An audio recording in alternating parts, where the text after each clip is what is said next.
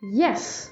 Zin in energie. Energie. Oh, ik heb meer planten in huis nodig, meer gezelligheid. Oeh, ik heb nog een leuk idee voor het huis.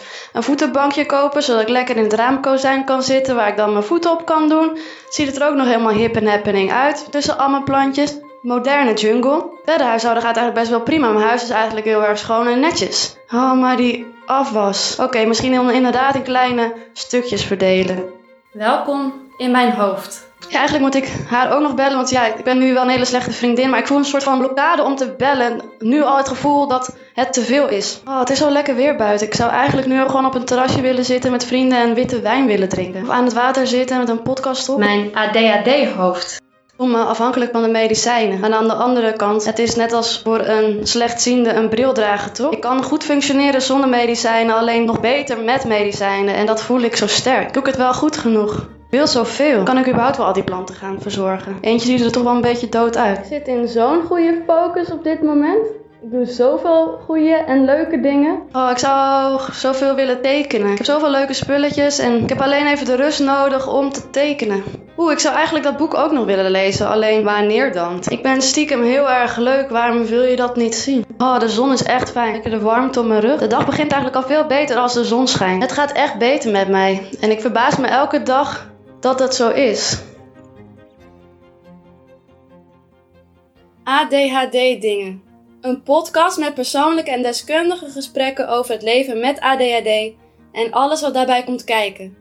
Mijn naam is Neerme Haggenburg en sinds vier maanden weet ik waarom mijn hoofd zo druk kan zijn.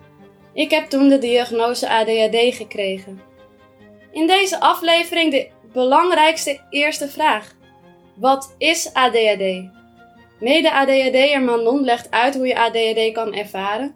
En ik ga de kinderarts en tevens voorzitter van de Belangenvereniging van ADHD en Dyslexie, Impuls en Woordblind, Rob Rodriguez Pereira interviewen. Met vragen van mij, van mede-ADHD'ers en met vragen van mensen uit onze omgeving. Op die manier hoop ik tips te krijgen hoe wij ADHD'ers kunnen uitleggen hoe het bij ons werkt.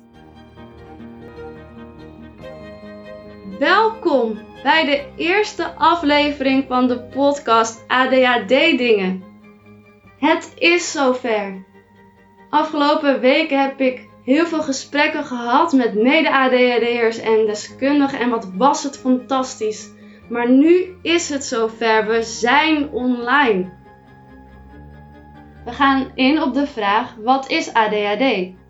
En daarmee behandelen we ook meteen de vraag: hoe kunnen we uitleg geven aan niet-ADHD'ers hoe het is om te leven met ADHD? Vorige week had ik een heel leuk gesprek met twee dames, Julia en Manon. En Manon gaf een heel goed voorbeeld over hoe je kan uitleggen hoe het is om met ADHD te leven. Met dat scherm ervoor. Dat was oh, ja. echt zo'n fantastisch uitleg. Ja, geniaal. Eigenlijk een telefoon zo, weet je, zo'n selfie stick, zo'n ding, zo wat je dan voor je hangt. En daar laat je constant beelden, filmpjes, muziek, noem het dan maar op.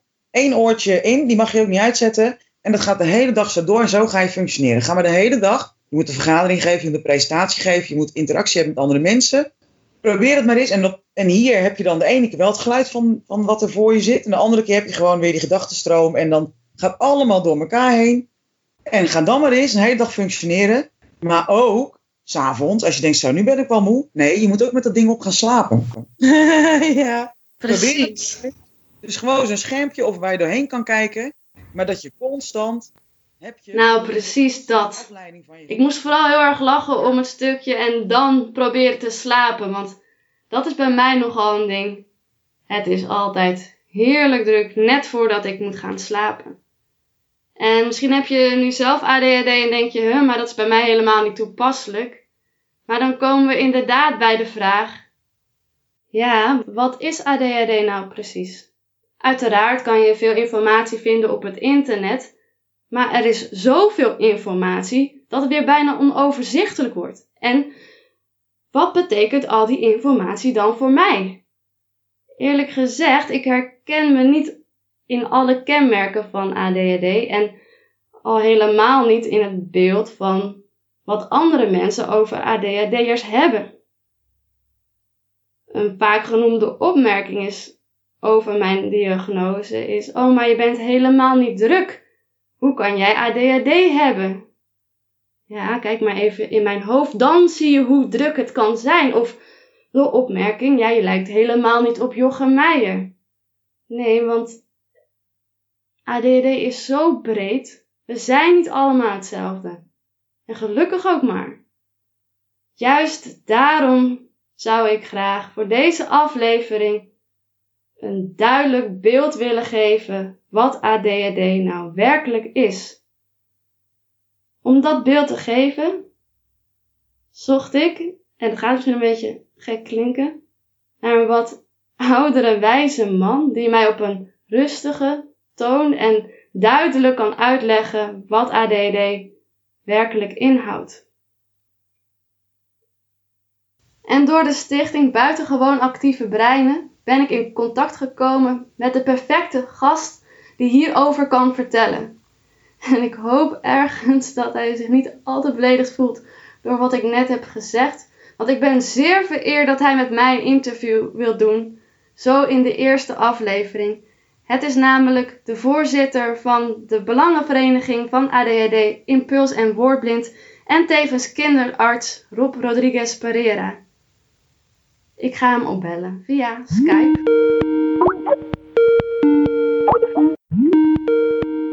Zeg je? Als het beeld opeens stilstaat, dan doet hij het niet. Dus dat is heel dan, uh, uh, hij was net even inderdaad bezig om even alles in te stellen dat hij aan het recorden was. Oh ja, oké. En nu uh, doet hij het. Voor het interview met Rob heb ik een lijstje gestuurd met vragen van mezelf, van mede-ADHD'ers, vragen van mensen uit mijn omgeving en wat voor vragen mede-ADHD'ers krijgen van hun omgeving. Met deze vragen gaan we aan de slag. Nou, je hebt een heleboel vragen. Ja, wat vond je van de vragen? Ja, het zijn allemaal goede vragen, maar het zijn er zoveel. Ja. En je kan natuurlijk best langer over ADHD praten. Klopt.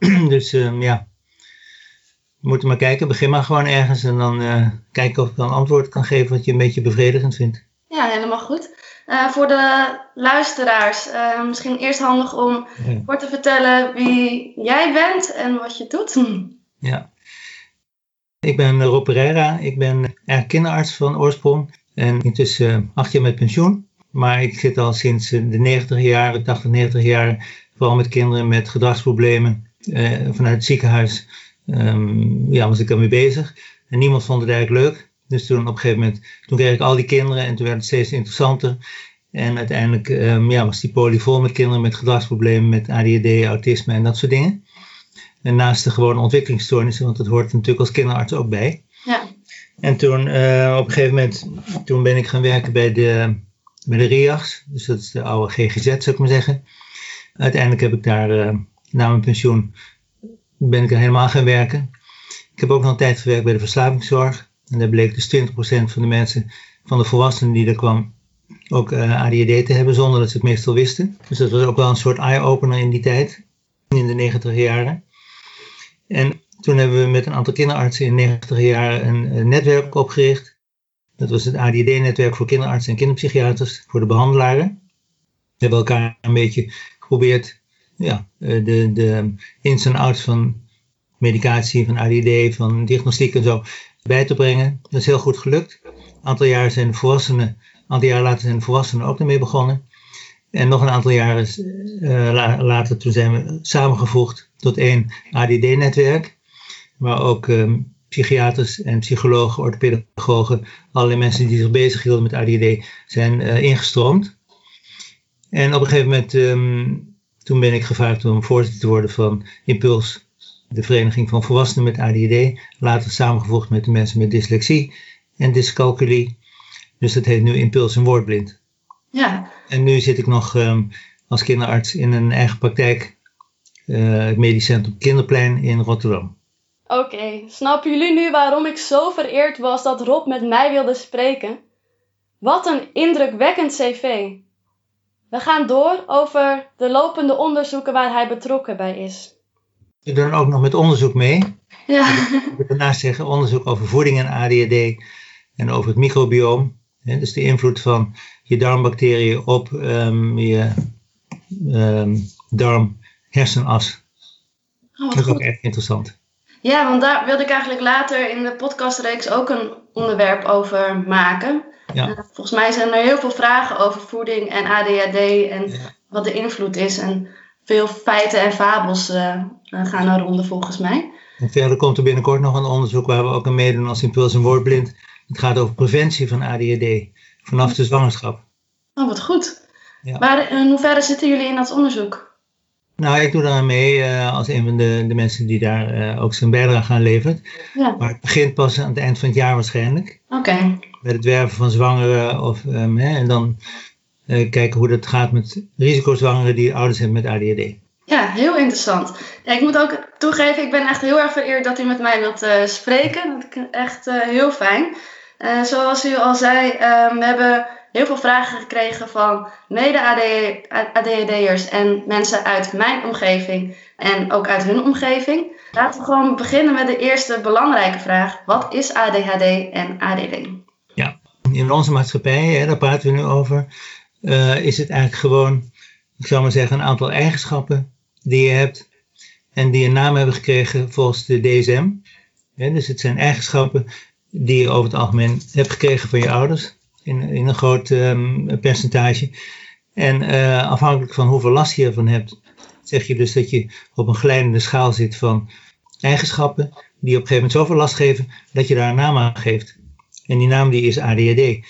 Ja, dat betekent dus gewoon dat je drie of vier hoofdeigenschappen hebt um, die, die erger zijn dan, uh, dan normaal.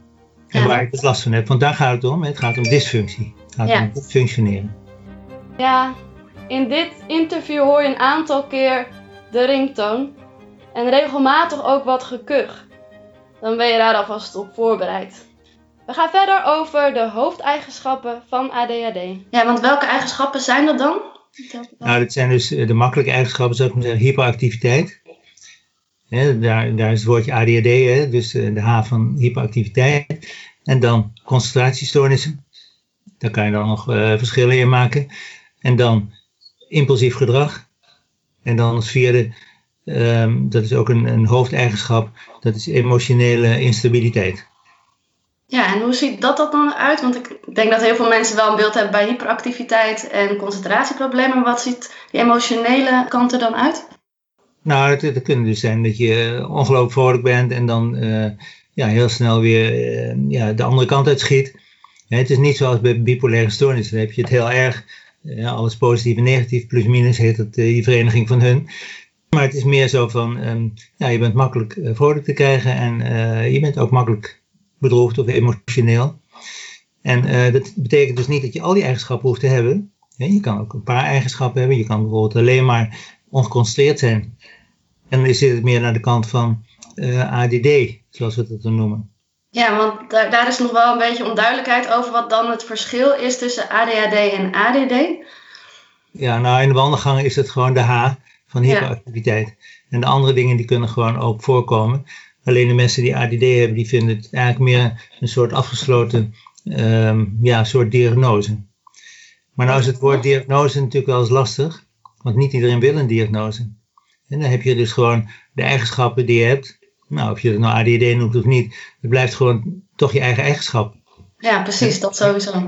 Ja, uh, ja het gaat natuurlijk ook gedeeltelijk om de gevolgen van ADHD. En dus als ik over ADD praat, dan praat ik dus wel over mensen die aan het eind van het spectrum zitten. En die echt een, een uh, ja, die veel last hebben van hun symptomen. Want als het een verleidende schaal is, hè, dat begrijp je wel, dan kan je dus bij de laatste 1% horen, nou dan heb je echt wel ADHD. Maar als je bij de laatste 2% hoort, heb je het ook nog echt. Alleen dan heb je het wat minder. En dan kijk je dus wat is dan de incidentie, dus hoe vaak komt het voor. Nou, ze zeggen ongeveer 3 tot 5 procent in Nederland. Maar het hangt natuurlijk vanaf waar je die grens zet. Dus als je die grens zet bij 5 procent en je zit toevallig bij de laatste 6 procent, ja, dan heb je dus subthreshold ADHD, zoals ze dat noemen. Dus een beetje ADHD. Ja. En omdat alles gaat om genomgeving. Dat betekent dus je eigen kwetsbaarheid, dus je gen. En de omgeving, dat is alles wat er omheen zit uh, buiten, je, buiten je hoofd, zou ik maar zeggen. Ja. En afhankelijk van de omgeving krijg je er last van. Ja, ja dus kun je daar iets meer over uitleggen? Nou, we zeggen ook heel vaak, uh, genes load the gun, the environment pulls the trigger. Ja. dat betekent dus die omgeving, die is heel erg belangrijk om ja. last te krijgen ergens van. En wat is nou de omgeving? Dat is onze maatschappij, de druk van onze maatschappij, de prestatiedruk.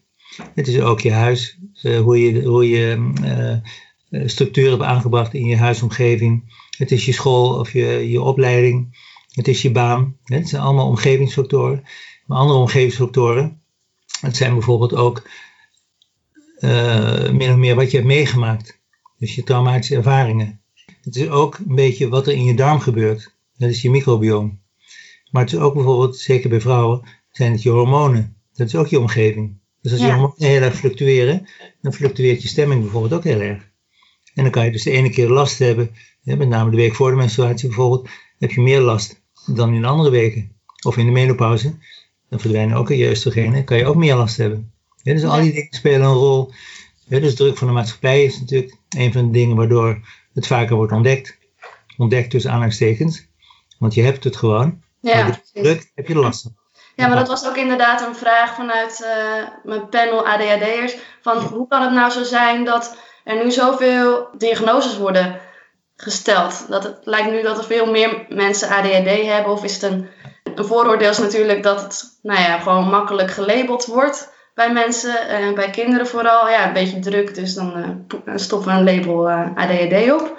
Daar zijn we geen voorstander van. En het woordje labelen is natuurlijk ook maar een woordje. Kijk, de ene vindt het prettig om te zeggen van... oké, ik heb nou een diagnose en dan weet ik wat ik moet doen. Het begin van een behandeling. Of het begin van awareness. Dus van, dat je bewust bent van dat er iets is waar je wat aan kan doen. En de ander vindt dat vervelend. Maar de meeste mensen die zijn eigenlijk wel blij dat ze nou weten... hoe het dan komt dat ze zussen zo reageren. Ja, absoluut. En, en hoe komt nou dat er meer diagnoses zijn? Het komt omdat er meer over gesproken wordt.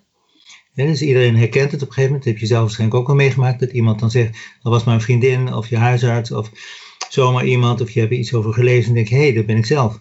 En er is iets aan te doen. Ja. En het andere is dat, um, dat we ook meer opletten dat bijvoorbeeld als kinderen op de polykliniek komen met ADHD. En je vraagt dan aan de ouders, en hoe is met jullie? En ze zeggen dan, ik ben bijvoorbeeld burn-out of ik heb nu uh, antidepressiva gekregen, want ze zo, ik heb mijn opleiding niet afgemaakt of ik ben verslaafd geweest. Dan denken wij al veel gauwer van, hé, hey, dat is iemand die je misschien nog kan helpen met uh, zijn leven op de rit te krijgen. Of um, ja, duidelijk te maken wat voor behandeling je zou moeten hebben. Ja. daarom zijn er meer mensen, dus we vissen ook nog steeds in een soort, um, ja, een soort, soort um, vijver met mensen waardoor je dus een inhaalslag krijgt van volwassenen die het ook nog hebben, maar die het nog niet weten. en die lopen nog in het wild rond, zou ik maar zeggen. Ja, precies. Ja, want je had het net al over nou ja, de invloeden en over genen. De vraag was ook, ja, hoe krijg je ADHD? Het is, je gaf al aan dat het genetisch is, maar dat ook, ook te maken heeft met je darmen. Kan je daar iets kort over? Ja, uh, nou, laten we zeggen 70% of 80% is afhankelijk van uh, wat je van je ouders hebt meegekregen. Ja. Dan kan het best zijn dat je ouders bijvoorbeeld geen ADHD hebben en jij wel. En dat heeft ermee te maken dat sommige ouders hebben een deel van degene die het risico een tikkeltje verhogen. En de andere ouder, ouder heeft ook een deel van die genen. En dan samen krijg je dus opeens iemand die boven een bepaalde drempel zit. Dat je zegt van nou, nou, nou heeft hij zoveel genen die een klein beetje het risico verhogen. Want er is niet één ADD-gen of zo hoor. Nee. Een heleboel die een heel klein beetje iets doen. Ja. En um, nou ja, als je dus die genen hebt, dan, dan loop je meer risico om te reageren op bepaalde situaties in de omgeving. Ja. En dat is, dat is dus de erfelijkheid. En niemand vindt het gek als iemand bijvoorbeeld denkt van, nou, ik ben zelf intelligent. Nee, mijn kinderen zijn ook intelligent. Dat is raar. Ja. Je bent bijvoorbeeld uh, eh, 1,80 meter en mijn kinderen zijn ook 1,80 meter. Vindt iedereen heel normaal. Of dat je blauwe ogen hebt of een bruine huid. Of dat je bijvoorbeeld ongeconcentreerd bent. Of dat je een bril op moet. Er zijn hele families die allemaal brillen op hebben omdat hun ogen allemaal slecht zijn. En dat vinden we dan heel normaal. Ja. Het zijn ook gewoon eigenschappen die overerven. Dat is gewoon heel duidelijk. En dan wat de invloed van de darmen betreft, ja, uh, daar zijn we nu een tijdje mee bezig met onderzoek. En het blijkt dus dat als je bijvoorbeeld bepaalde eh, producten eet waar je niet tegen kan, hè, dat heet, heet intolerantie. Dat is geen allergie, dat is intolerantie. Uh, dat je dan feller reageert op bepaalde prikkels. Uh, dat je onrustiger bent dan nodig is, of dat je gedachten sneller gaan. En bij die kinderen die, waar wij het hebben onderzocht, er zijn nu een aantal onderzoeken die dat hebben aangetoond. Is ongeveer 60% van de kinderen een stuk beter af met een dieet. Alleen het is een onmenselijk streng dieet. Ja. Dus dat is gewoon best moeilijk. En dan krijg je dus uh, eliminatie, introductie. Dus dat betekent eerst haal je heel veel producten weg. En daarna ga je proberen dat weer toe te voegen. En dan kijken welk product die intolerantie geeft. Nou, in het laatste onderzoek waar we nu mee bezig zijn, het heet de Brain Study. Daar kijken we dus naar, wat doen die producten dan? Dus je zoekt eigenlijk naar de, ja, naar de biomarkers. Ja. In de ontlasting bijvoorbeeld of in het bloed. Wat gebeurt er dan als het positief reageert? Ja, en is hetzelfde effect dan, uh, want heel veel onderzoeken gaan nu over kinderen, heb ik ook gezien. Ja. Uh, je gaf het zelf ook aan, maar is het dan hetzelfde effect dan op volwassenen als, als op kinderen? Nou, kijk, heel veel ouders in die groep van kinderen die uh, dat onderzoek hebben meegedaan, die uh, hebben natuurlijk ook een dieet genomen, omdat het anders moeilijk is in zo'n gezin. Maar het is niet zo dat alle ouders dan opeens ook rustiger worden of wat dan ook. Het is gewoon te ingewikkeld om te zeggen, er is een standaard dieet of wat dan ook. Dus we zijn nu ook een beetje bezig, als ik dan toch even die, dat microbiome uh, verder vertel. Er is ook een trend om te zeggen van, oh, we gaan de ontlasting bekijken. Er zitten bacteriën in. Als er een verschuiving is uh, die heel erg afwijkt, dan kan je hem bijvoorbeeld een soort probioticum geven. Ja, dus een drankje met ja, iets, net zoals jouw kult, maar dan specifiek gemaakt op jou. Daar zijn we ook een beetje mee bezig. En dat, ja, dat zou misschien ook wel invloed kunnen hebben op je gedrag. Bijvoorbeeld bij ADD, maar ook bij autisme of bij depressie. Maar zover is het nog niet dat het zo duidelijk is, maar het wordt wel gedaan. Ik doe er zelf ook aan mee. En we hadden het natuurlijk al een aantal keer over. Ja, ik ga een beetje hakken op de tak hoor, want hoewel ik dit onderzoek heel erg interessant vind en graag meer over wil weten, maar we hebben heel veel vragen. Want we hebben ook heel veel vaak met vooroordelen te maken. En, en ik krijg heel vaak te horen: Oh, maar je lijkt niet op, op Jochem Meijer, je bent helemaal niet druk. Hoe kan het zo zijn dat iedereen zo'n beeld heeft van Jochem Meijer dat iedereen zo zou moeten zijn als ADHD'er? Ja, Jochem Meijer is natuurlijk een soort prototype van ADHD, omdat hij dat gebruikt voor zijn shows. Ja. Maar um, ja, als je buiten zijn show kijkt, dan is hij gewoon ja, niet goed te sturen. Dat vindt hij zelf ook heel erg moeilijk. Dus hij kan ook niet zoveel buiten zijn show om. Hij heeft hij natuurlijk extreem. Eh, in de zin van dat hij heel snel denkt. Hij is hartstikke slim. Uh, nou, hij kan het gewoon goed gebruiken omdat hij natuurlijk mooi kan zingen. Hij is uh, geestig, weet je. Al die dingen. Die heeft niet iedereen. Dat zijn ook erfelijke eigenschappen. Heel erg aan die heeft net zoals Jochem mee, maar je bent heel dom. Kan je echt geen cabaretier worden. Nee. Ja, dus iedereen die heeft gewoon die hoofdeigenschappen. Althans, ja, als je typisch ADD bent. Maar het ene stukje of meer dan het andere stukje. Dus je kan bijvoorbeeld een beetje hyperactief zijn en heel erg ongeconcentreerd. Of heel erg impulsief en uh, wel goed geconcentreerd, wij spreken. Hè? Iedereen heeft zo zijn eigen uh, maat. Ja, precies. Want uh, wat ik ook vaak te horen krijg, en ook van, van, in mijn omgeving en wat ik ook te horen krijg van anderen, is dat de omgeving heel vaak dan zegt: ja, doe de dingen gewoon dat is natuurlijk ook onderdeel van de ADHD-eigenschappen, denk ik. Dat je heel erg vastzit in je eigen gedachten. Of dat je verlamd raakt bijna, zou ik het zo kunnen noemen. Ik hoor heel vaak dat mensen soort van bijna getraumatiseerd zijn door het zinnetje. Doe maar gewoon. Heeft u tips om uit te leggen dat dat bij ons niet zo zomaar gaat, dingen doen? Ja. En nou is het zo dat mensen met ADD die hebben moeite met opstarten en met remmen. dus die kunnen gewoon niet goed op gang komen vaak. En die kunnen ook niet goed remmen. Die kunnen wel heel goed uitstellen. En omdat ze dus, ja, wat je net zei, ook wel eens een beetje getraumatiseerd lijken. Getraumatiseerd kan ook zijn altijd negatief commentaar op school. Want op school zeggen ze dan van je kan het wel, schiet nou eens op. Je tempo is niet zo goed, doe nou eens netjes en dit en dat. Dus elke dag dan krijg je heel veel negativiteit over je heen. Zowel thuis als op school. Omdat heel veel mensen niet positief genoeg zijn. En daarvoor hebben we de regel van 1 op 4. Dus één keer negatief zijn, moet je compenseren met vier keer positief om het gelijk te houden. En anders kom je in een soort vicieuze cirkel van negativiteit, waardoor je dus ook een negatief celbeeld krijgt. Ja. Als je een negatief celbeeld hebt en iemand zegt, nou doe het nou gewoon, weet je wel, doe nou eens normaal. En je hebt een negatief celbeeld en het mislukt weer, omdat het gewoon niet zo lekker gaat met afwerken van iets wat je wel weet, maar wat je nog niet zo goed kan. Dan krijg je dus ja, dat, je ook een soort stigma hebt. En dan, sommige mensen die hebben dat heel erg. En die raken dus van negatief zelfbeeld uh, somber of depressief. En dan ja. ze naar de huisarts en zeggen, nou, je hebt een uh, depressie of een burn-out. Ja, precies. Ja. Dat eigenlijk wel een heleboel dingen kan. Ja, want is daar ook nog een uh, verklaring voor hoe het kan dat wij zoveel moeite hebben met starten en met remmen, zoals, zoals je zei? Nou ja, kijk, um, het heeft natuurlijk alles te maken met hoe je neurotransmitters werken. Alleen dat is een beetje te ingewikkeld, omdat natuurlijk alles, dat, dat, ja, dat zoomt door elkaar in je hoofd, allerlei soorten neurotransmitters. Maar de belangrijkste, dat zijn dus dopamine en noradrenaline. Maar de andere neurotransmitters zijn ook belangrijk in bepaalde andere kernen. En um, ja, om het eenvoudig te zeggen, die neurotransmitters zoals dopamine, die zorgen onder andere voor de rem. En dus als je niet kan remmen, dan betekent het vaak dat je bijvoorbeeld op alle prikkels moet reageren, omdat die niet geremd worden. Dus de onbelangrijke prikkels worden ook niet geremd. En dan blijft de belangrijke, ja, die, die uh, gaan een beetje door de onbelangrijke heen en dan weet je gewoon niet meer wat er gebeurt. Als je het heel erg hebt, hè. Dit is allemaal natuurlijk als je het heel erg hebt, want de milde vormen, ja, dat noem je ook geen ADHD. Dat noem je gewoon iemand met veel temperament of druk of wat dan ook. Maar die heeft er geen last van. Ja. ja als de rem niet aanstaat, dan kan je je impulsen ook niet zo goed tegenhouden. Dus als je plotseling denkt van, oh, dat is interessant, dat ga ik doen of dat ga ik kopen. En je denkt niet van, wat gaat er dan gebeuren? Heb ik genoeg geld ervoor? Of wat zijn de consequenties? En dan ben je impulsief bezig. En ja, dan krijg je soms um, het lid op de neus. Want dan mislukt het. Of je hebt opeens schuldig gemaakt. Of je denkt van, nou, ik neem eens een jointje, want het kan toch geen kwaad. Want, uh, nou ja. En dan denk je, hé, hey, dat voelt wel lekker. Dan doe je nog een keer, doe je nog een keer. En, en dat kan best bij mensen die er heel gevoelig voor zijn, en sommigen zijn verslavingsgevoelig, die kunnen dus best um, ja, iets nemen wat niet goed is. Ja. Of iets doen wat niet goed is, hè? zoals met gamen. Dat is ook zo'n voorbeeld. Als je gaat gamen, dan krijg je dus voortdurend beloning. Je wordt voortdurend beloond. Dat heeft ook te maken met dopamine. Het voelt heel goed. Dus je wordt uitgedaagd, je gaat impulsieve dingen doen. Hé, hey, het gaat goed, weet je wel. En dan uh, word je beloond. En dan raak je dus heel makkelijk daaraan verslaafd.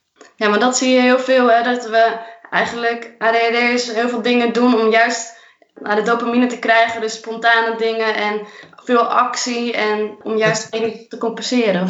Ja, dat is ook hartstikke leuk. Er zijn natuurlijk ook heel veel ADHD'ers die bijvoorbeeld gevaarlijke sporten doen. Hè, ja. Surfen en uh, bungee jumpen, parachutespringen en dat soort dingen. Scheuren op motoren. Weet je wel, dat vinden ze allemaal heel hartstikke leuk. Maar het gaat er dus om, uh, als je echt interessante dingen doet, uitdagende dingen, dan functioneer je ook beter. En dan heb je ook een hoger dopamine niveau, zou ik maar zeggen.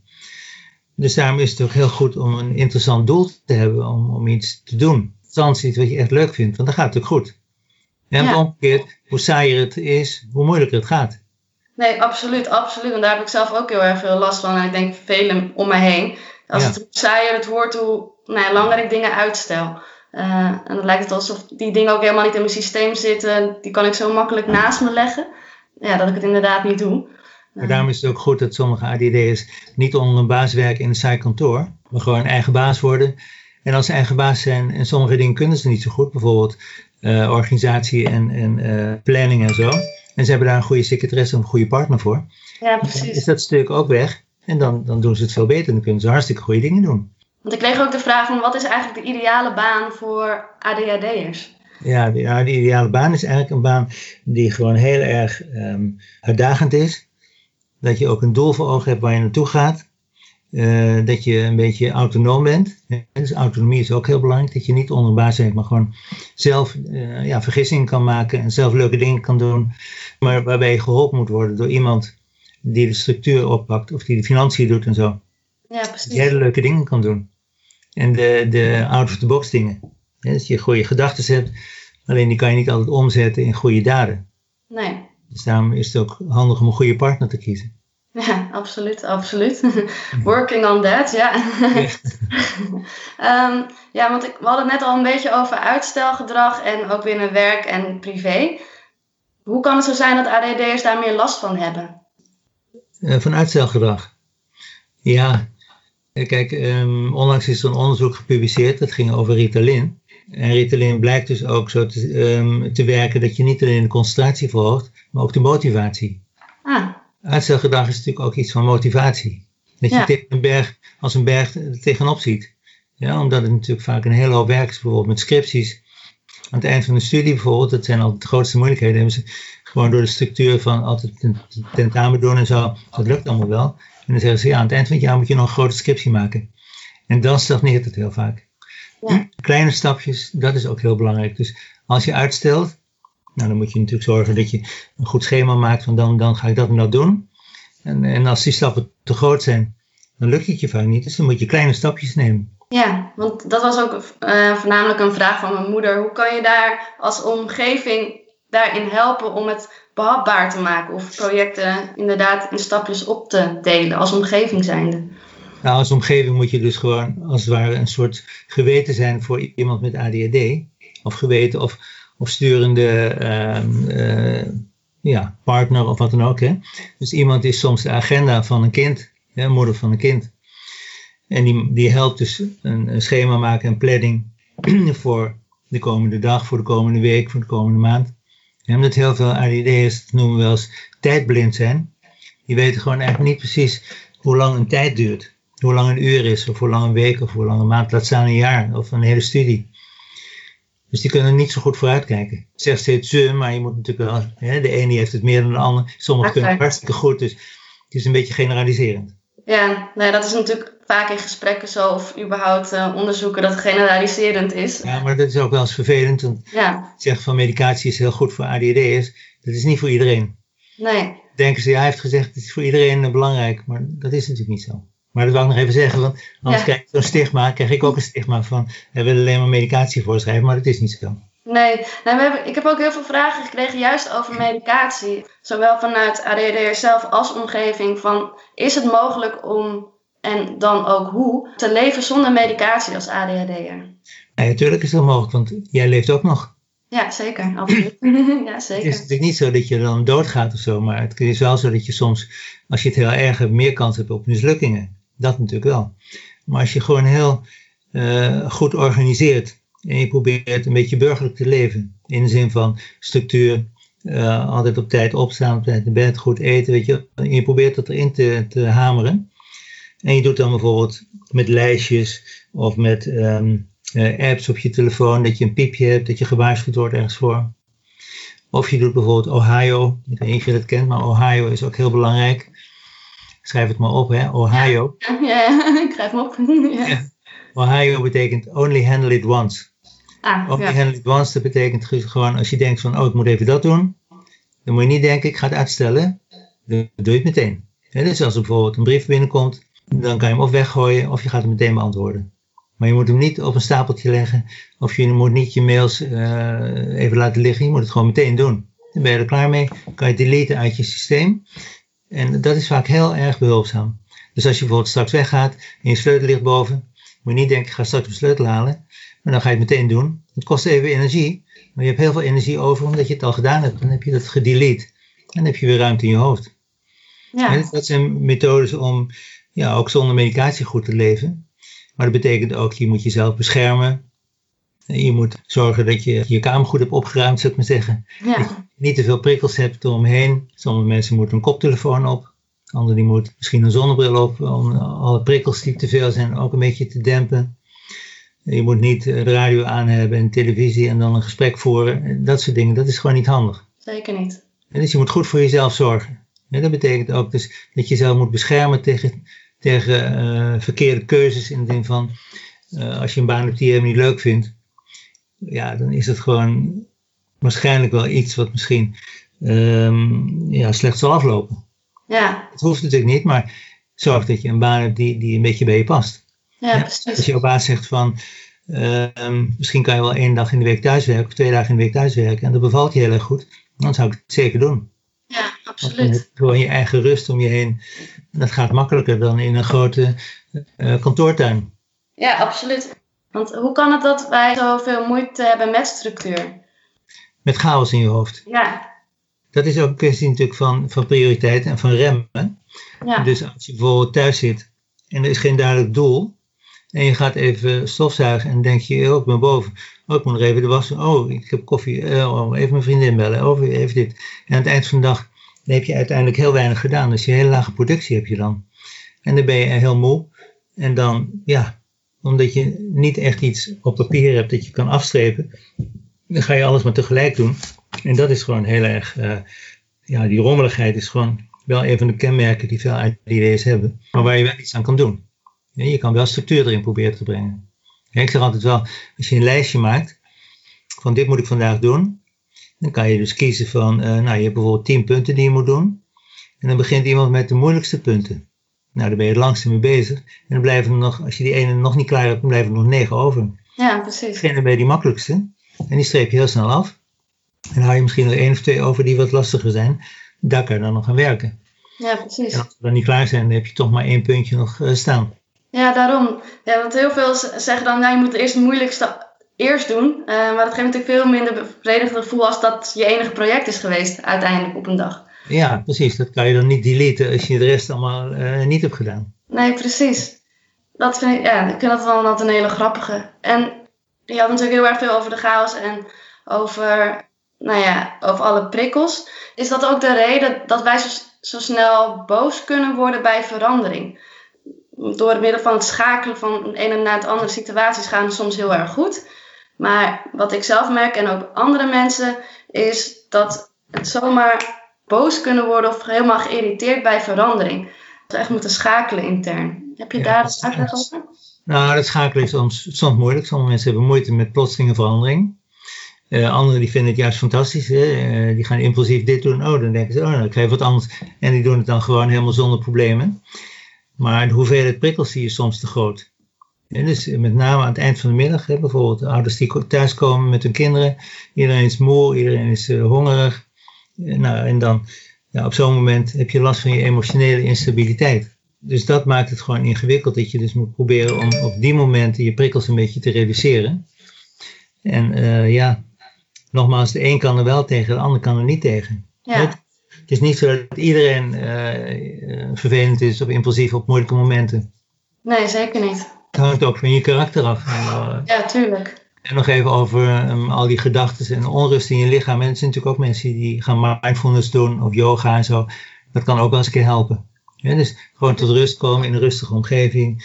Probeer te ontspannen met zo min mogelijk prikkels om je heen. Ja, dat kan natuurlijk wel helpen, maar dan kan je op zo'n moment niks doen. Nee, precies. Ja, je energie wil gebruiken om leuke dingen te doen. Ja, klopt. En daarin een balans vinden is volgens mij wel echt een uitdaging. Van, je hebt de ene kant dat je inderdaad voor jezelf moet zorgen en rust moet pakken. Maar je hebt ook heel veel energie en enthousiasme om juist heel veel dingen aan te pakken en te willen doen. Ja, dus dat moet je goed structureren. Dus bijvoorbeeld als je zegt van nou ik heb een dag vrij, ga je bijvoorbeeld s morgens eerst naar buiten. Ja, je gaat even ontbijten, zeg maar zeggen, dan ga je naar buiten. Of je gaat even uh, mindfulness doen of even yoga doen. En dan kan je je dag gewoon beginnen. Ja. En sommige mensen die nemen nog een, uh, een siesta midden op de dag om even tot rust te komen. Weet je, dat is allemaal prima. Goed bij jezelf je moet goed voelen, zou ik maar zeggen. Je moet in je, in je eigen flow moet je meegaan. Dus eigenlijk hebben we uitgelegd een beetje, even recapituleren wat we afgelopen half uur uh, hebben besproken. Is dan de diagnose. Nog even over de diagnose misschien. Ja. Kijk, je moet voldoende symptomen hebben. Een lijstje invullen, dan kan je een lijstje met symptomen af, afkruisen. Bij kinderen zijn het allemaal standaard lijstjes, bij volwassenen ook. Bij volwassenen heet het de, de DIVA. De DIVA-5, die kan je invullen, dan kan je kijken of je het herkent. Als je dan voldoende herkent, plus je hebt lang last ervan, dat moet ook, hè? je moet er lang last van hebben. Je mag het niet kunnen verklaren door een lichamelijke aandoening. Want soms heb je bijvoorbeeld een schildklierprobleem wat erop kan lijken. Noem wat, hè? Dan moet je ook uitgesloten hebben eigenlijk. Je mag het niet kunnen verklaren door een ernstig trauma. Een ernstig trauma, hè? iets wat je hebt meegemaakt, iets heel heftigs, een ongeluk, misbruik, uh, scheiding, uh, verhuizing, traumatische dingen die kunnen ook als leiden tot ongeconcentreerd en, en uh, ja, dat soort ADD-achtig gedrag. Niet kunnen verklaren bij kinderen bijvoorbeeld door een uh, chaotische en slechte opvoeding. En nog eventjes, um, ook om hierop terug te komen. Ja, die symptomen zijn natuurlijk maar symptomen. Maar je hebt ook symptomen bijvoorbeeld van uh, autistische, autistische trekken, zou ik maar zeggen. En die ja. overlappen erg met mensen met ADHD. En dan hoef je helemaal geen diagnose autisme te hebben dan kan je toch autistische trekjes hebben. Ja. Net zoals kinderen met autisme of volwassenen kunnen ook ADD-trekken hebben. Heel vaak zelfs. Alleen als je dus praat in diagnose, dan ja, jij hebt ADD en jij hebt autisme. Maar zo is het niet. Want vaak is het echt gewoon iets wat overlapt. Ja. dat is ook de reden dat we dus een vereniging hebben van ADD en dyslexie. Omdat dyslexie ook heel erg overlapt met ADD. En andersom. Ja, want ik begreep ook dat uh, veel ADHD'ers juist last hebben van dyslexie of dyscalculie. Klopt dat? Ja, ongeveer 50 procent. Ja, precies. Want over die trekjes inderdaad, dat zie ik dan ook wel terug in gesprekken. Van ja, maar ik heb, uh, heb ook ADHD-trekjes. Dat je dat vaak terugkrijgt. Uh, uh, mag ook toch? Ja, en dat is dan prima. en dat daardoor vaak denk ik ook wel onbegrip is vanuit de omgeving. Van ja, maar ik heb ook wel soms last van uitstelgedrag of last van dit of chaotisch zijn. Maar het is volgens mij inderdaad, zoals je al eerder zei, dat je er ook echt langdurig last van hebt en de, genoeg kenmerken hebt, dat het dan daar het verschil in zit. Ja, als, als de somatisch en trauma en zo. Als ja, precies, daarnaast, ja. ja. Dat zijn in ieder geval de meeste vragen beantwoord. Hoi. Zijn er dingen die je graag zelf nog kwijt wil voor de luisteraars over het thema ADHD? Nou ja, kijk, er zijn ook heel veel positieve dingen van ADHD. Ja, zeker. Bij autisme ook zijn ook allemaal positieve dingen. Dus je moet niet alleen op de negatieve dingen hameren, maar je moet ook de positieve kunnen benoemen. Gewoon, het zijn vaak mensen, eh, never a dull moment. Die hebben veel energie. Sommigen zijn hartstikke uh, uh, interessant met, met denkbeeld die ze hebben, of out of the box denken. Maar sommige, dus de echte ADHD'ers, dus de, de hele hyperactieve, nou die kunnen soms heel ver komen, omdat ze dus, als ze een heel leuk doel hebben, gewoon met heel veel energie erin gaan. En dan uh, lopen ze wel eens tegen de lamp, maar dat is niet zo erg. En dan gaan ze gewoon een ander doel nemen. Ja, precies. Ja. Nou, het onderwerp natuurlijk uh, medicatie, zin en onzin van medicatie, dat is ook een belangrijk onderwerp. Ja, zeker. Er wordt veel natuurlijk over, over uh, gepraat zonder kennis. Absoluut, ja. Ik wil graag daar de fabels en nou ja, de onduidelijkheid wil ik daar nou ja, weg blijven, zeg maar. Ja. Wat klopt er nou werkelijk? En dat graag dan ook op een positieve toon. Want ik merk bijvoorbeeld op fora of Facebook groepen dat het gaat over alle negatieve dingen of waar we tegenaan lopen. En natuurlijk wil ik dat niet ontkennen. Maar ik zou heel graag met deze podcast willen focussen ook op wat kunnen we wel en waar liggen onze krachten. En als we tegen iets aanlopen, wat kunnen we dan wel doen? Die kant ja.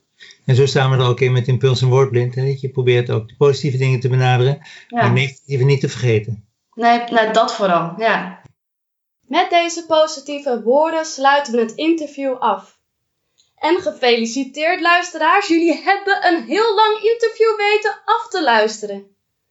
Bij het afronden van het gesprek gaf Rob nog wel iets heel tofs aan. En uh, misschien komen er nog vragen over, hè? Die kan je dan in de volgende keer nog eens een keer bespreken. Nou, als er nog vragen over komen, want als je iets vertelt, dan zijn altijd mensen die zeggen, ja, maar dat bedoelt hij misschien anders, of uh, uh, dat is niet goed, of uh, weet je wel. Ja. Nog eens een keer iets anders over, een vervolg maken. Heb je dus nog vragen of opmerkingen over dit gesprek? Laat het mij dan weten.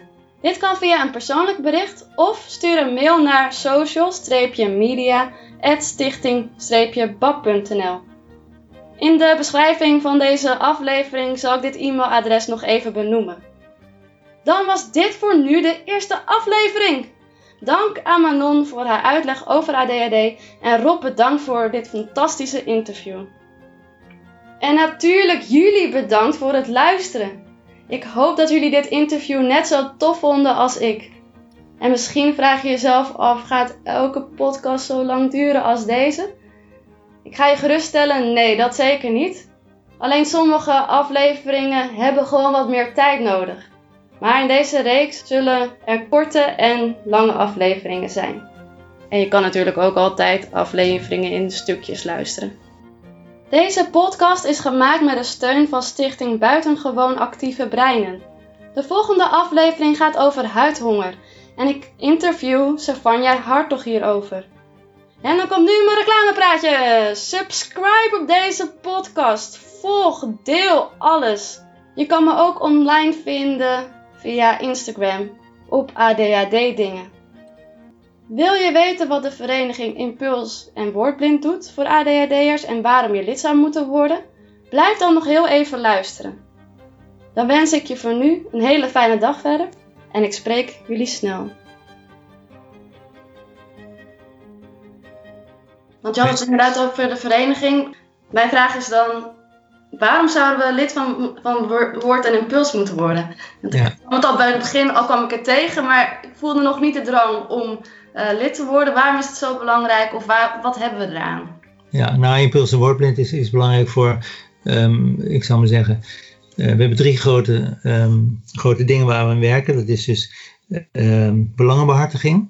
Mhm. Dus we proberen dingen te doen zoals uh, hoe het gaat met rijbewijs of met medicatie in het verkeer of uh, met dyslexie, um, hulp, hulpmiddelen. je probeert dus belangenbehartiging te doen. Uh, je probeert ook informatie te verstrekken op een goede manier. Dat proberen we ook. En we proberen contact te maken of contact te laten zijn tussen verschillende mensen met deze eigenschappen. en je hoopt dus met zo'n vereniging uh, ja, een, een, bijdrage te leveren, zou ik maar zeggen, aan het ontstigmatiseren van, ja, van de bevolking. Alles een beetje normaliseren. En wij hopen dus iets te doen voor de ADD'ers, maar je hoopt natuurlijk ook dat mensen met ADD of dyslexie bij de vereniging komen om iets te kunnen doen voor hun mede-ADD'ers en mede-dyslexen. Ja. ja. Dus wat dat betreft proberen we wel uh, in leven te blijven. Het is niet altijd even makkelijk. Want de mensen die denken van nou ja, ik heb het uh, jammer dan, die worden geen lid.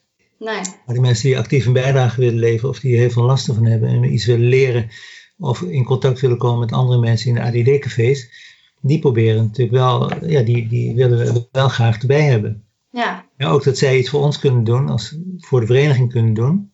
Precies. Uh, en omgekeerd ook dat wij iets voor hun kunnen doen. Ja, goeie. Ik zal het uh, linkje en een beschrijving ook uh, van Woord en Impuls in de beschrijving van de podcast doen, zodat iedereen meteen kan aanmelden. Ik wil ze woordblind. Oh, excuus. Ja, nou, dat is mijn grote valkuil. Namen. Eén oor in, één oor uit. Excuus. Maakt niet uit. Maakt niet Dan zal ik uh, de goede naam zal ik, het, zal ik in de beschrijving doen en de website. Een woordblind T, hè? Dat was een, een grapje van vroeger, maar dat kunnen we niet meer goed corrigeren. Nee. ja, dat zijn van die dingen.